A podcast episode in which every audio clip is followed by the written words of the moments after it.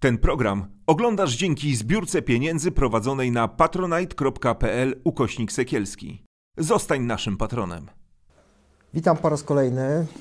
Moim gościem i waszym gościem jest dzisiaj Mirosław Wlekły, podróżnik dla mnie przede wszystkim, e, ale też reporter, e, no, który jest takim obserwatorem uczestniczącym ważnych zjawisk, ale też osobą, która jak już coś wchodzi, to wchodzi e, po pas i po szyję. Autor z jednej strony wielu ważnych biografii, o których sobie jeszcze tutaj powiemy, zwłaszcza, że przed nami premiery, ale przede wszystkim książki, która dla mnie zrobiła olbrzymie wrażenie. I to jest wielka okazja, żeby o tym w końcu jakoś tak szerszej publiczności opowiedzieć. To jest Raban o Kościele nie z tej ziemi. Mirek, ile lat pisałeś ten reportaż o Kościele Raban? Odpowiedź skomplikowana jest, bo mógłbym powiedzieć, że 5 lat, ale oczywiście nie pisałem cały czas tej książki, a przez pierwsze dwa, trzy lata jej powstawania ja nawet nie wiedziałem, że piszę Raban. A, a tak naprawdę powstawały już pierwsze rozdziały tej książki. A wiedziałeś, jak zaczynałeś tę książkę, że pojawi się taki ktoś jak Franciszek? A to wiedziałem, bo to od niego wszystko się zaczęło. To znaczy mhm. trzy tygodnie po, po wyborze Bergolia na papieża. Mhm. Mały zbieg okoliczności. Bergoglio mhm. zostaje wybrany na, na papieża właśnie. W redakcji gazety, gazety Wyborczej toczy się dyskusja, czy może warto coś napisać o tej Argentynie, bo mhm. przecież nic o niej nie wiemy. Tak. No, Lionel Messi, Maradona, wino, tango może, a co poza tym? Nic, mhm. nie wiadomo. Zresztą no. sam Bergoglio powiedział, że przybywa do nas z końca świata. Mhm. No to padł pomysł, napiszmy o tym końcu świata. I miałem takie szczęście, że redakcja wytypowała mnie do, do wyjazdu na, na taki dłuższy czas do Argentyny. E, żebym przywiózł serię reportaży o tym kraju. Nie mhm. tylko o papieżu, nie tylko o kościele tamtejszym, ale też o tym kraju. Mhm. Bo ja rozumiem, kluczem do tej książki jest e, trochę inny kościół. Kościół, tak jak ja przynajmniej to czuję, możesz mnie skorygować, który autentycznie żyje Ewangelią. I ty znalazłeś taki kościół, bo tak jak ja prześledziłem tą trasę twojej wielkiej podróży, tego reportażu, który powstawał, to, to to jest w zasadzie cała Ameryka Południowa, ale też e, Afryka, jest też Birma, Stany Zjednoczone. E, tu jest sporo smaczków w tej książce, ja, ja, to polecam, bo ty między innymi miałeś okazję poznać siostrę papieża e, i to są takie urocze obrazki, bo ty to doprawiasz taką rzeczywistością tej rodziny argentyńskiej. Jest pies, są papierosy, jest yerba mate. Jaką ona wydała ci się osobą? Rzeczywiście jest taką prostą kobietą, jest bieda też. No, mhm. Piliśmy wodę z musztardówek, słuchaj, tam nie było mhm. eleganckiej zastawy, tylko był bardzo biedny, mały domek, syn y, przygotowujący sobie pajdę chleba, akurat te, te, te, te koty kręcące mm. się. Ona została sama, a Franciszek ją wspierał przy tym rozwodzie, to też jest dość y, oryginalne. Tak, tak, no opowiadała mi, że rzeczywiście rozstanie z mężem było nieuniknione, no i Franciszek dzwonił do niej, rozmawiali o tym, -hmm. znaczy nie, nie Franciszek wówczas jeszcze, to był jeszcze e, kardynał. I rozumiem, że fakt, że, że, że jej brat został papieżem nie sprawił, że jej odbiło.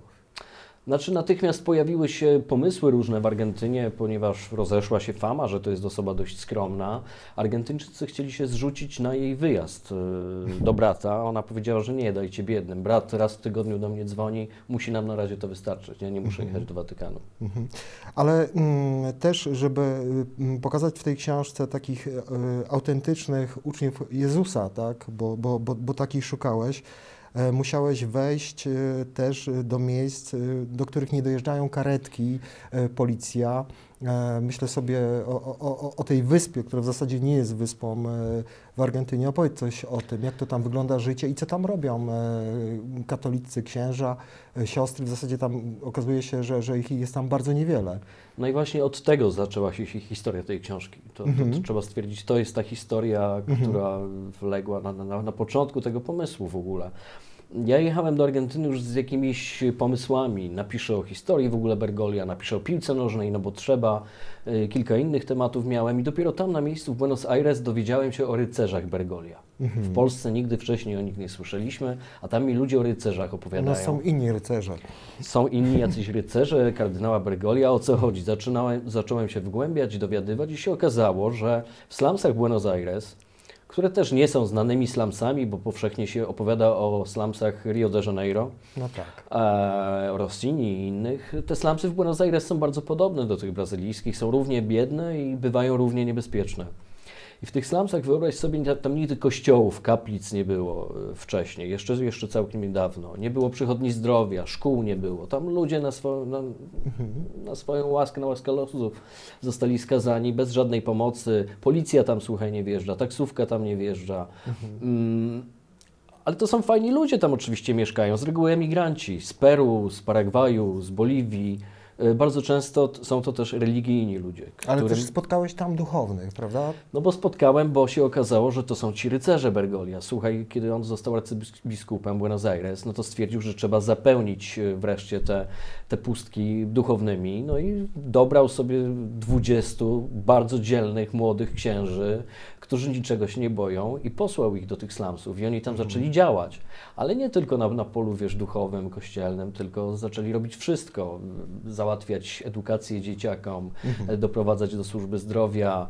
Jeśli był potrzebny materac komuś, bo, bo dziecko nie miało na czym spać, no to ten ksiądz załatwia ma- materac i tak dalej, i tak dalej. Tam padają takie stwierdzenia w Twoich rozmowach właśnie z tymi rycerzami e, Bergolia, że dla nich jest o wiele ważniejsze niż odprawienie mszy czasem właśnie autentyczne bycie e, przy tych ludziach. I tak sobie pomyślałem, że to jest taka wielka tradycja Ameryki Łacińskiej opcji na rzecz ubogich, prawda? Którą się wiąże z kolei z teologią wyzwolenia. Ona obrosła pewnymi mitami, że, że to byli księża, którzy z jakimiś karabinami czy gewaryści e, zwalczali te rządy prawicowe. No powiedz coś o tym, to, to jest rzeczywiście mit.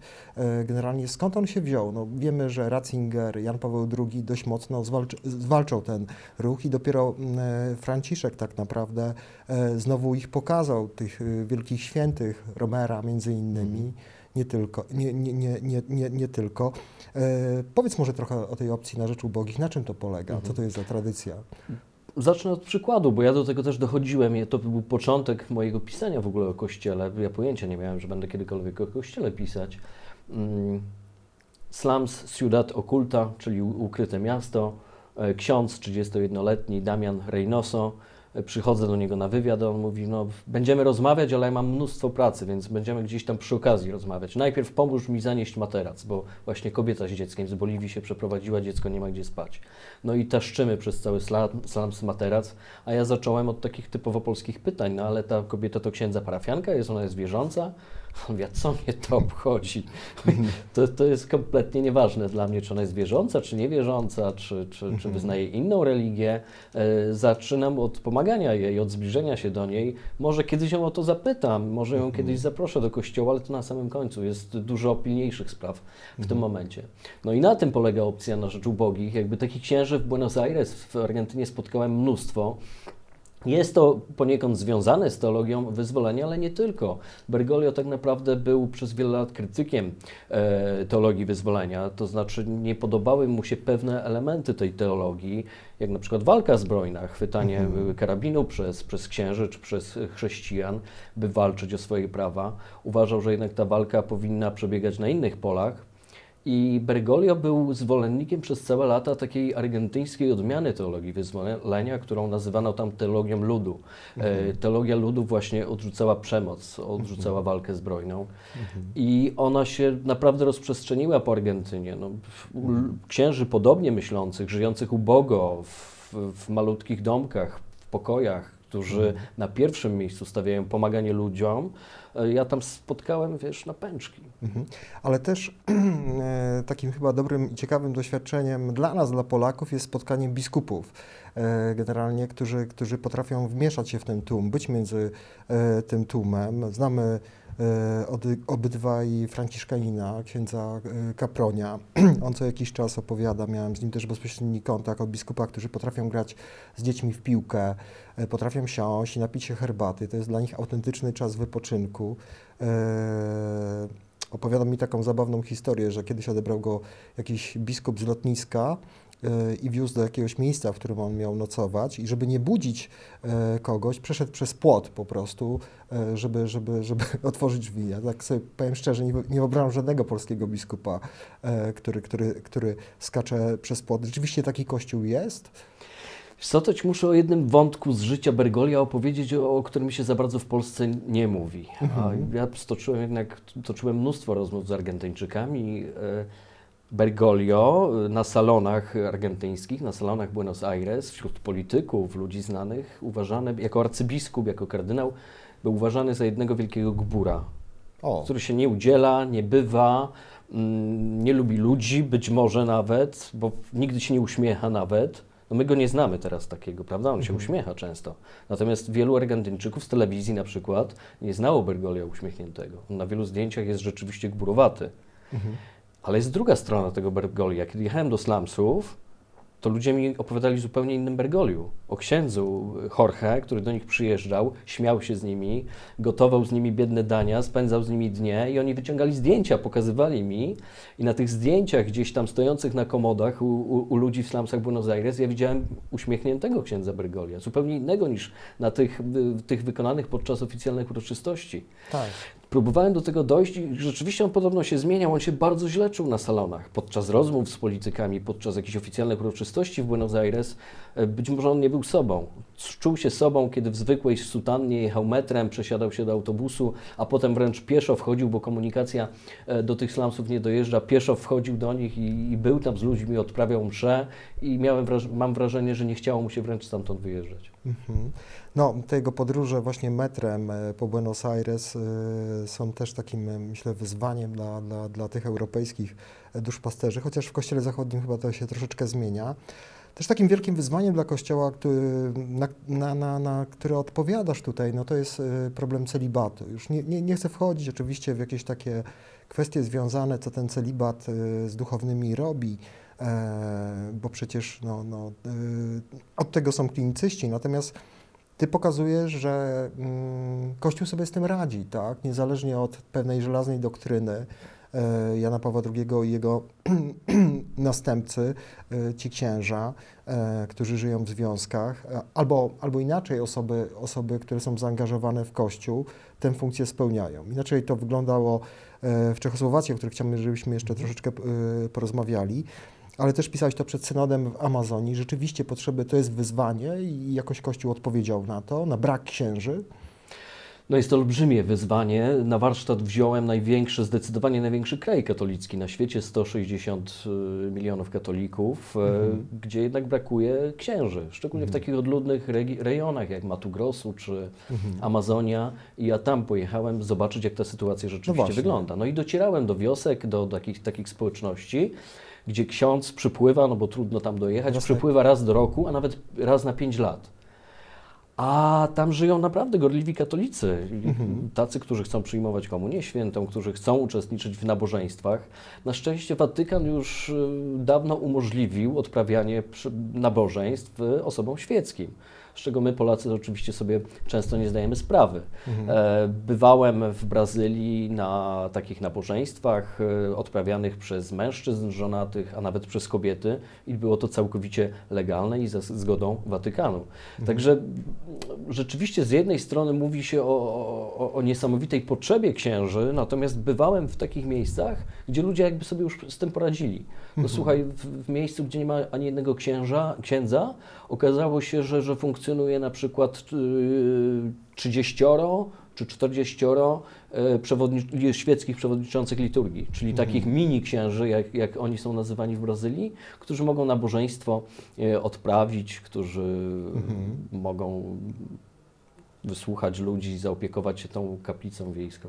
Ale też y, odpowiedział na to Kościół Europejski, Kościół Czechosłowacki, bo e, o ile polski Kościół przetrwał i, i wygrał tą wielką konfrontację jednak z komunistami, to już chyba nie budzi żadnej wątpliwości, to Kościół w Czechosłowacji został, no tak prawdę mówiąc, y, wyrugowany, bo seminaria zostały przejęte przez komunistów. Doszło do takiego dualizmu, inni poszli na, jedni poszli na współpracę, drudzy, drudzy nie.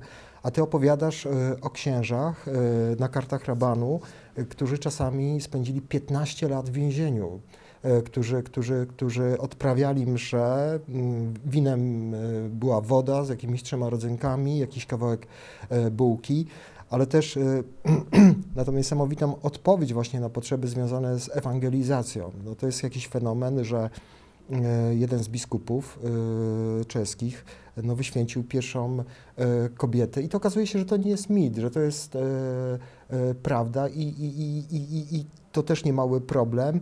No i później coś z tym trzeba było zrobić, prawda, jak, jak już nastała aksamitna rewolucja i ten kościół się podniósł. E, spotkałeś też biskupów przy piwie, e, którzy mówią, pan biskup, powiedz może o tym kilka słów. No tak, spotkałem się z biskupem Gonzalem, który do dzisiaj jest e, księdzem tak zwanego ukrytego kościoła. No rzecz przedziwna i kompletnie nieznana u nas, Mhm. kiedy okazało się, że wszyscy księża już siedzą w więzieniach, a na wolności zostali tylko ci, którzy są agentami bezpieki, No tak. tylko do, donoszeniem się właściwie zajmują. No to ci księża w więzieniach zaczęli, wzięli sprawy w swoje ręce i zaczęli Mhm. wyświęcać e, ludzi w więzieniach na początku, potem poza więzieniami, a z czasem i stało się to na 99% możemy powiedzieć za zgodą papieża Pawła VI, e, zaczęli też wyświęcać żonatych mężczyzn e, mm, w Czechosłowacji. I ci żonaci mężczyźni do dzisiaj funkcjonują. Jakby czasy z czasem się zmieniły.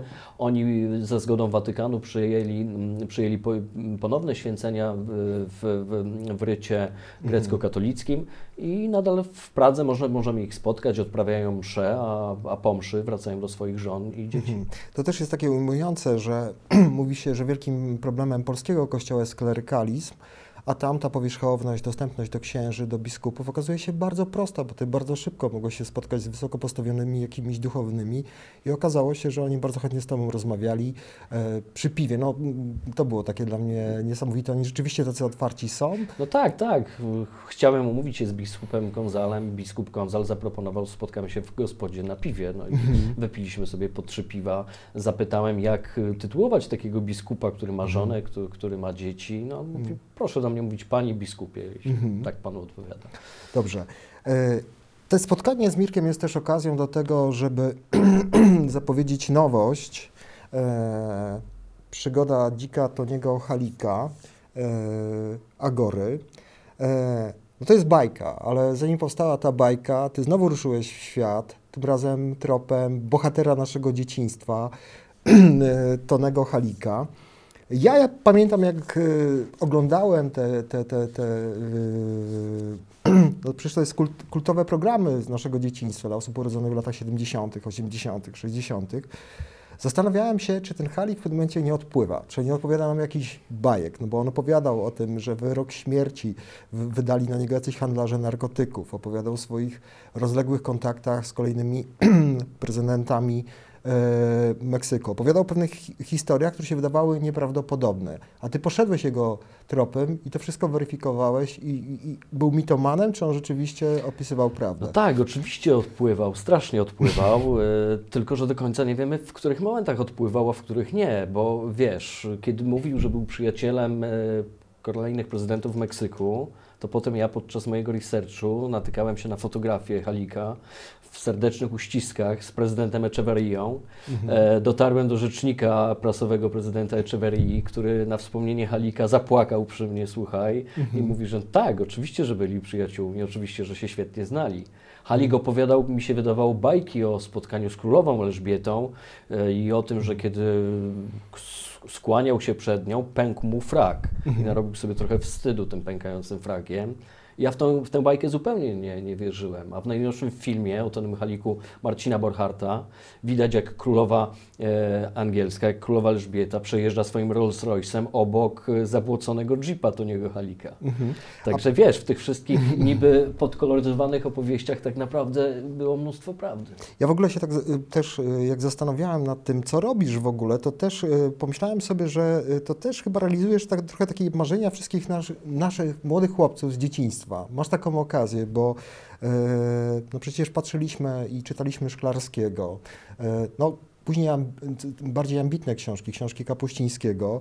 No i ty masz okazję po prostu to, to, to wcielić w życie. I te książki to trochę też są tak trochę chyba myślę o tobie, E, bo, bo mm, z tego co wiem, ty, ty nie kształciłeś się w kierunku reporterskim od początku w liceum, zająłeś się naukami bardziej e, ścisłymi i w pewnym momencie to Znaczy, się wiesz jakoś co, przełamało. ja, ja chciałem piłkarzem zostać i w związku z tym, że chciałem zostać piłkarzem, to w ogóle o edukacji swojej nie myślałem, no bo po co, skoro będę na boiskach świata Mhm. zarabiać pieniądze na życie.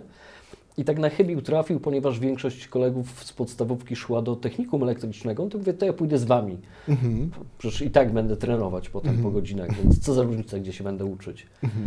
No a potem już w to zabrnąłem i wiesz, trzeba było to technikum skończyć, bo nie chciało mi się zmieniać szkoły. No, Ale w co się takiego stało, że, że, że wróciłeś do tego? No bo ciężko, że tak powiem, e, właśnie z jednej strony takie przełożenie zrobić w swoim życiu, nie? Mhm. E, Że, że, że, że- że wychodzisz y, właśnie z tych takich y, no, prozaicznej codzienności, ucznia jakiegoś technikum. Co się takiego stało, że odkryłeś, y, może nie w sobie tą pasję, ale mogłeś ją zrealizować? To był jakiś przypadek? E, Odpowiedź jest prosta. Bardzo szybko się przekonałem, że piłkarzem nie zostanę. Aha. I zacząłem wtedy dochodzić, zacząłem myśleć może trochę Mhm. więcej wówczas o swoim życiu. Mhm. I jakoś bardzo szybko wpadłem na to, że, że mnie dziennikarstwo pasjonuje. Mhm. To się zdarzyło już w połowie szkoły średniej, a że miałem tak wspaniałych nauczycieli, Mhm. e, którzy to rozumieli, e, no to było nawet tak, że tych przedmiotów technicznych pod koniec za bardzo nie musiałem się uczyć, bo ja im, e, ich zapewniałem, że ja się uczę już historii języka polskiego, bo będę się przygotowywać do studiów polonistycznych, dziennikarskich, więc Mhm. no, Ale i tak to- się złożyło. Ale ta piłka nożna do ciebie wróciła. Wróciła po latach. E, Tu mam też wielką przyjemność pokazać Wam e, najnowsze, najnowszą książkę Mirka. To jest e, świeżo w zasadzie z prasy egzemplarz wzięty. Myślę, że, że już niedługo będzie w księgarniach. E, To jest biografia Kazimierza Górskiego. No nie chcę y, Ciebie pytać o pewne szczegóły, bo chciałbym, żeby każdy tą książkę przeczytał, ale zawsze się zastanawiałem nad tym, bo, bo mm, oglądam po kilka meczy w każdy weekend, po pięć, po sześć, jestem no, fanem po prostu piłki nożnej i e, myślę, że jak każdy młody człowiek, e, no, no byłem dumny z tej reprezentacji jego czasów, później kontynuował ją e, tę tą, tą, tą tradycję Antoni Piechniczek, ale w zasadzie żaden następny trener nic już więcej nie zrobił. I się zastanawiam, jak to jest, że mm, taki introwertyczny człowiek, taki oszczędny w słowach, y, którego znamy z jakichś takich y, bonmotów, tak, że, że bramki są dwie, że, że, że, że albo jest zwycięstwo, albo przegrana, albo remis. No jak ten człowiek po prostu motywował tych ludzi? y, czy to był tylko talent tych poszczególnych jednostek, które, które, które, które on miał pod skrzydłami? Bo przecież nie miał aż tak bardzo wielkich sukcesów. No był, było mistrzostwo z Legią Warszawa, tak? E, potem e, mistrzostwo olimpijskie. Mm, Ale jak on ich motywował, ten człowiek? No, trener to mi się wyobraża, wy- wyobrażam sobie, że to jest ktoś, kto krzyczy, jedzie po tych zawodnikach, prawda? No, następca Górskiego, Gmoch, no był już inny, on był e, taki bardzo ostry. I, i, dotarłeś do, do, do, do, do mm, jakichś świadków właśnie tych historii, tych zgrupowań. E, Co możesz o tym powiedzieć? Z Legią nawet y, mistrzostwa nie zdobył, tylko wicemistrzostwa, A, ponieważ mu się w tej lidze polskiej za bardzo nie wiodło, no to on nawet Mhm. terminował w takich klubach jak ŁKS Łódź, Tak. Stal Kraśnik, Motor Lublin, Mhm. Lublinianka Lublin trzecioligowa Mhm. i to zawsze tak średnio mu wychodziło. I Mhm. nagle został tym selekcjonerem w 70, pod koniec 70 roku. I słuchaj, te spotkania w szatniach, jak mi opowiadali jego zawodnicy, nie tylko ci z kadry, ale też ci z klubów, no wyglądały na przykład tak, że po, po, po pierwszej połowie takiego meczu, przegrywanego na przykład 1-0, 2-0, oni wchodzili wszyscy do szatni. No oczywiście każdy trener by wtedy zaczął ryczeć na nich, wyzywać ich. Natomiast oni też między sobą zaczynali się kłócić, dyskutować, każdy wiedział lepiej, jakie są powody tej przegranej. No i wtedy Kazimierz Górski się wycofywał na przykład z tej szatni. Aha, czyli Nie chciało mu się tego słuchać w ogóle. Więc przerwa trwała 15 minut, no więc on sobie na 13 minut wychodził. Wracał po 13 minutach, kiedy zawodnicy już się wygadali, już, już, już nie było kłótni, już sznur- sznurówki wiązali, chcieli z szatni wychodzić. No i Kazimierz Górski mówił, "Słuchaj, chłopaki, teraz musicie wrócić na boisko i wygrać ten mecz. A jak wygrać ten mecz? No, żeby strzelić bramkę, trzeba strzelać w kierunku, w kierunku bramki. No i tyle. I oni, słuchaj, oni wszyscy mówili, że przynajmniej z początku te pierwsze spotkania zawodników z Kazimierzem Górskim były takie, że albo myśleli, że z jakimś kompletnym nieprofesjonalistą mają do, do czynienia, albo że on sobie jaja z nich jakieś robi. W ogóle Jan Tomaszewski mówi, że nie wiedział o co tu chodzi z tym trenerem. Ćmikiewicz, Lubański, wszyscy mi to opowiadali. Po czym oni wychodzili na boisko i realizowali ten plan nakreślony w dwóch, trzech zdaniach Kazimierza Górskiego. Po prostu wygrywali w drugiej połowie, tak jak im powiedział. Niesamowita prostota przekazu, wiesz. Mhm. Opowiadali mi ci zawodnicy, że wiesz, przy innych trenerach, którzy komplikowali całkowicie przekaz, mówili do nich słownictwem, którego oni nieraz nie rozumieli. Mhm. E, jakieś, wiesz, taktyka, która e, wyparowała im z głowy i tak po minucie. Mhm. A Kazimierz Górski docie- docierał w bardzo prosty sposób do nich. Wszyscy, mu, wszyscy, wiesz, na niego mieli dwa określenia, albo trzy nawet bym powiedział. Pierwszy to ojciec, oni go wszyscy jak ojca traktowali, ojca, którego nie mogą zawieść. Drugie określenie takie psycholog, genialny psycholog. I trzecie filozof piłki nożnej. I to wszyscy mi mówili, nawet potem w Grecji, wiesz, greccy zawodnicy. To była też taka sytuacja, że on na emeryturę sobie do Grecji pojechał i w ciągu kilku lat zdobył pięć mistrzostw w Grecji, pięć pucharów. Z Olimpiakosem. Olimpiakos, Mhm. puchar z Kastorią, z wiejskim, słuchaj, no nie wiejskim, klubem z małego miasta z pogranicza albańskiego, który nigdy żadnych sukcesów nie osiągał. Objął go Ka- Kazimierz Górski, no i puchar Grecji zdobyty. I tam zawodnicy mi to samo opowiadali, wiesz, wielki spokój, oszczędność w słowach. Pan Kazimierz pod ręką z, z, z panią Marią, ze swoją żoną przychodził na trening, wszyscy podjeżdżali swoimi samochodami, on sobie pieszo przychodził, e, po treningu sobie pieszo odchodzili spokojnie do domu. No wielki stoik przede wszystkim, wielki przyjaciel tych zawodników. No tak, Jakby one- Nie było zawodnika, który by go nie lubił. Wszyscy po prostu lubili go i wszyscy chcieli dla niego grać. Napiszę w książce a propos tego stoicyzmu, że jak się uczył greckiego, to też y, poznawał tą y, filozofię grecką. A powiedz, jak to się stało, m, że ta kariera y, w Polsce przynajmniej została y, przerwana? Bo wiemy, że on później wrócił, on jeszcze y, trenował polskie kluby po przyjeździe z Grecji. Natomiast mam pytanie, jak to się stało, że, że, że, że nie objął tej reprezentacji? No, mieliśmy bardzo silny skład w 78 roku, prawda? E, Ale objął go Jacek Gmoch, prawda? E, I jak to się stało? To jest pierwsze pytanie.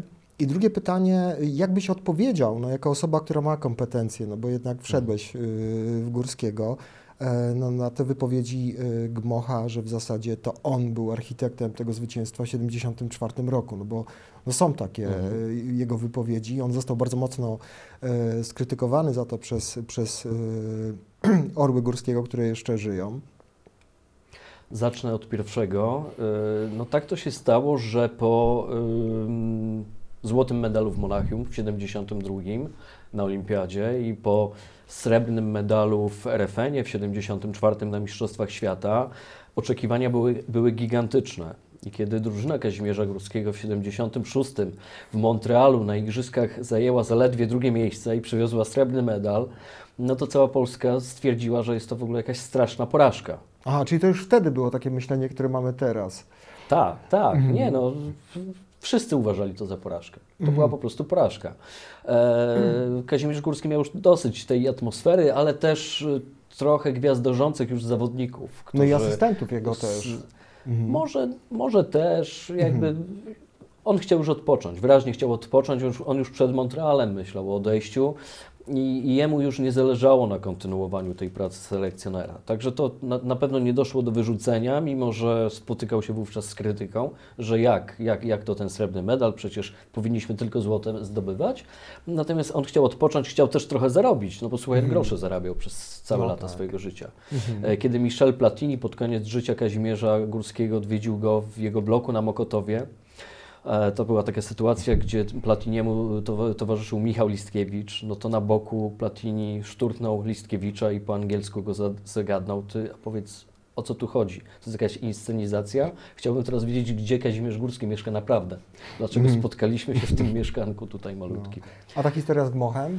A historia z Gmochem, no tak, Jacek, ja, ja z Jackiem Gmochem przegadałem godziny no, o Kazimierzu Górskim, nie Mhm. On w tylko. Grecji, zdaje się, mieszka. Mhm. E, mieszka w Grecji, no, na zmianę trochę w Grecji, w trochę w w Warszawie, głównie w Grecji.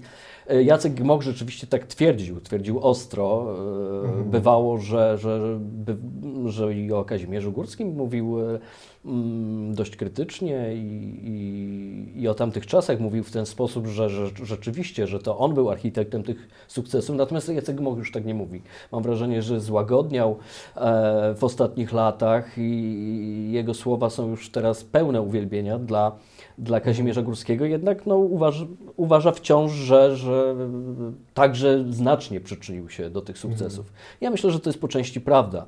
Jakby wszyscy moi rozmówcy podkreślają e, no, niesamowite znaczenie tej trójki trenerskiej. To znaczy Górski Gmoch i Andrzej. Strejlał, I tak. wszyscy podkreślają, że każdy rzeczywiście wnosił tam jakiś osobny, istotny element do tej układanki, która, e, która doprowadzała do sukcesu.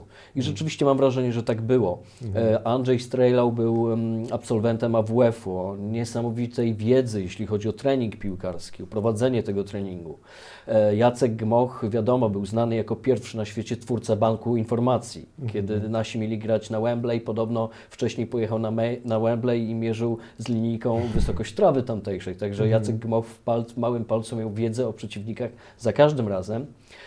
No i oni mu tak z dwóch stron opowiadali, ten o tym, ten o tym. Ich koncepcje gry zazwyczaj były kompletnie przeciwne, a Kazimierz Górski słuchał w milczeniu. Słuchał, przytakiwał im, no i na koniec wychodził sam do zawodników i z całą pewnością, biorąc pod uwagę rady obu asystentów, e, układał swoją koncepcję gry, czyli grania do przodu i strzelania bramek. Dobrze.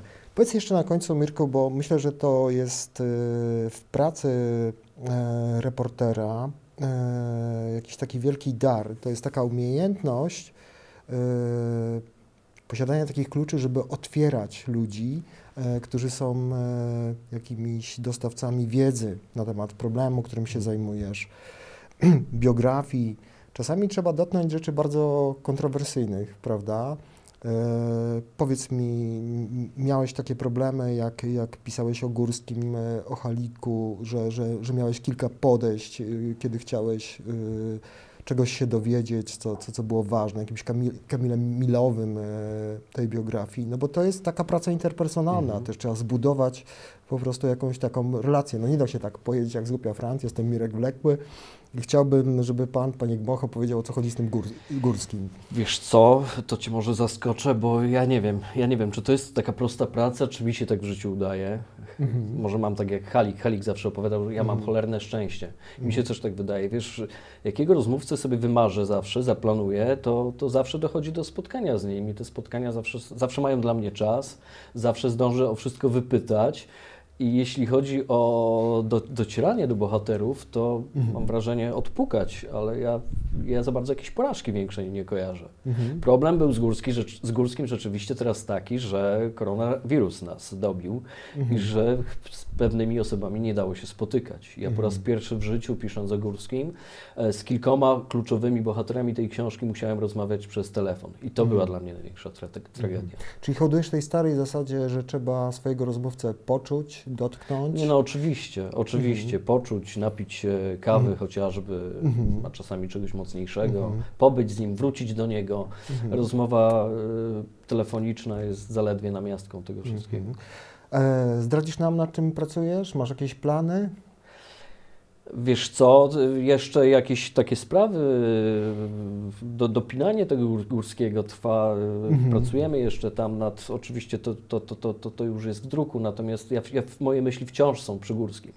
A plany mam, natomiast y, jeszcze, jeszcze, jeszcze decyzja nie została podjęta na 100%, dlatego nie będę ich zdradzać. A będziesz wchodził dalej w jakieś znane postacie, czy, czy, czy w problemy bardziej? To Y, możesz na warsztacie jest bardzo znana postać i to nie tylko w Polsce, tylko na całym świecie, także Znowu sobie ile dajesz lat, żeby w nią wejść, ją zgłębić?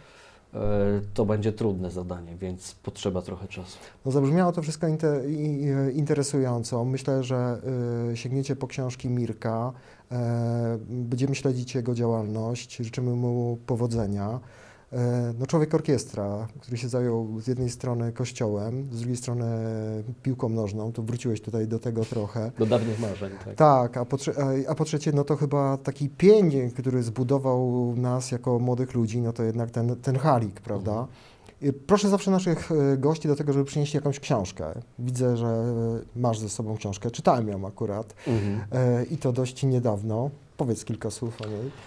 Wczoraj wieczorem rozpocząłem i nie mogę się oderwać. Wiesz, Mhm. prowadząc samochód tutaj do studia, miałem ochotę czytać jeszcze jedną ręką. Ju- Już, już kończę. Mm, Z pozoru może się wydawać y, książką wspomnieniową, taka, taka jak inne. Piotr Milewski, Planeta K, 5 lat w japońskiej korporacji. No jest to rzecz niesamowita, ci powiem, mhm. wiesz, bo to, bo to nie chodzi o to, że że Piotr Milewski sobie pracował w korporacji, napisał książkę, tylko Piotr Milewski jest doskonałym pisarzem, ma piękny język, znany jest bardziej ze swoich książek podróżniczych, natomiast rzeczywiście on to przeżył mm, w niesamowity sposób opisuje japońską korporację, świat mi kompletnie obcy i wiesz, z jednej strony na, na jednej stro, po jednej stronie jestem wzruszony, na następnej pękam już ze śmiechu, E, no niesamowicie napisana w ogóle. Czyta mhm. się to jak taką powieść małą wręcz. E, jestem zafascynowany tą książką. No różnie na to można patrzeć. To, co mnie ujęło w tej książce, to na pewno to, to jest taka lojalność pracowników i, i, i pracodawców. No w Japonii jest taką ujmą, jeżeli odchodzisz z jakiejś firmy i dla pracodawcy, i dla pracownika. E, tam wiele osób, które wchodzi do jakiejś korporacji, do jakiejś pracy, no ma taką świadomość, że, że, że tam po prostu tą swoją pracę skończy. Tak, pracuje się do emerytury. Co, co, co dzisiaj z dzisiejszej lektury zapamiętałem, Piotr po tam półtora roku pracy postanowił odwiedzić rodzinę w Polsce. Chciał wziąć urlop, a tam w korporacjach urlopów się nie bierze. Wybiera się pieniądze za urlop. Urlop i tak krótki, bo trwa chyba 12 dni. No i on powiedział, że poleci na Wigilię do, do rodziców. Chciał wziąć chyba tydzień urlopu, a szef mówi, a po co ci tydzień? No przecież to pojedź do nich, zjedz z nimi obiad i wracaj. No nim tłumaczy, że daleko i tak dalej no, pozwolili mu w końcu, kiedy wrócił, musiał nie, niemal się wyspowiadać z tego pobytu. A co tam tak długo robiłeś? I w ogóle, tak. czy, czy, czy, ten pobyt w Polsce cię nie zmienił? Czy nadal jesteś nasz, swój? czy nadal jesteś członkiem Korpo K? Mhm. No także no, niesamowite sprawy z naszego europejskiego punktu tak, widzenia. Tak, ale myślę, że y, często nie mamy możliwości, żeby gdzieś wyjechać, no zwłaszcza teraz, w tej dobie takiej koronawirusa, ale jest mnóstwo właśnie fajnych książek, między innymi ta, o której przed chwilą mówił Mirek, gdzie y, możemy no, odlecieć y, w pewnej przenośni i zobaczyć, że można żyć inaczej, można myśleć inaczej. No nie musimy tego oceniać, ale na pewno warto to poznać. Odlot jest niesamowity, Planeta K. No, nie spodziewałem się takiej lektury. Dziękuję Ci bardzo, Mirku, za y, to spotkanie i trzymam Cię za słowo, że jak skończysz tą biografię bardzo znanej postaci, to przyjdziesz tutaj i nam opowiesz o tych latach swojej pracy. Na 100% z wielką chęcią. Dziękuję bardzo. Dziękuję. Ten program oglądałeś dzięki zbiórce pieniędzy prowadzonej na patronite.pl ukośnik sekielski. Zostań naszym patronem.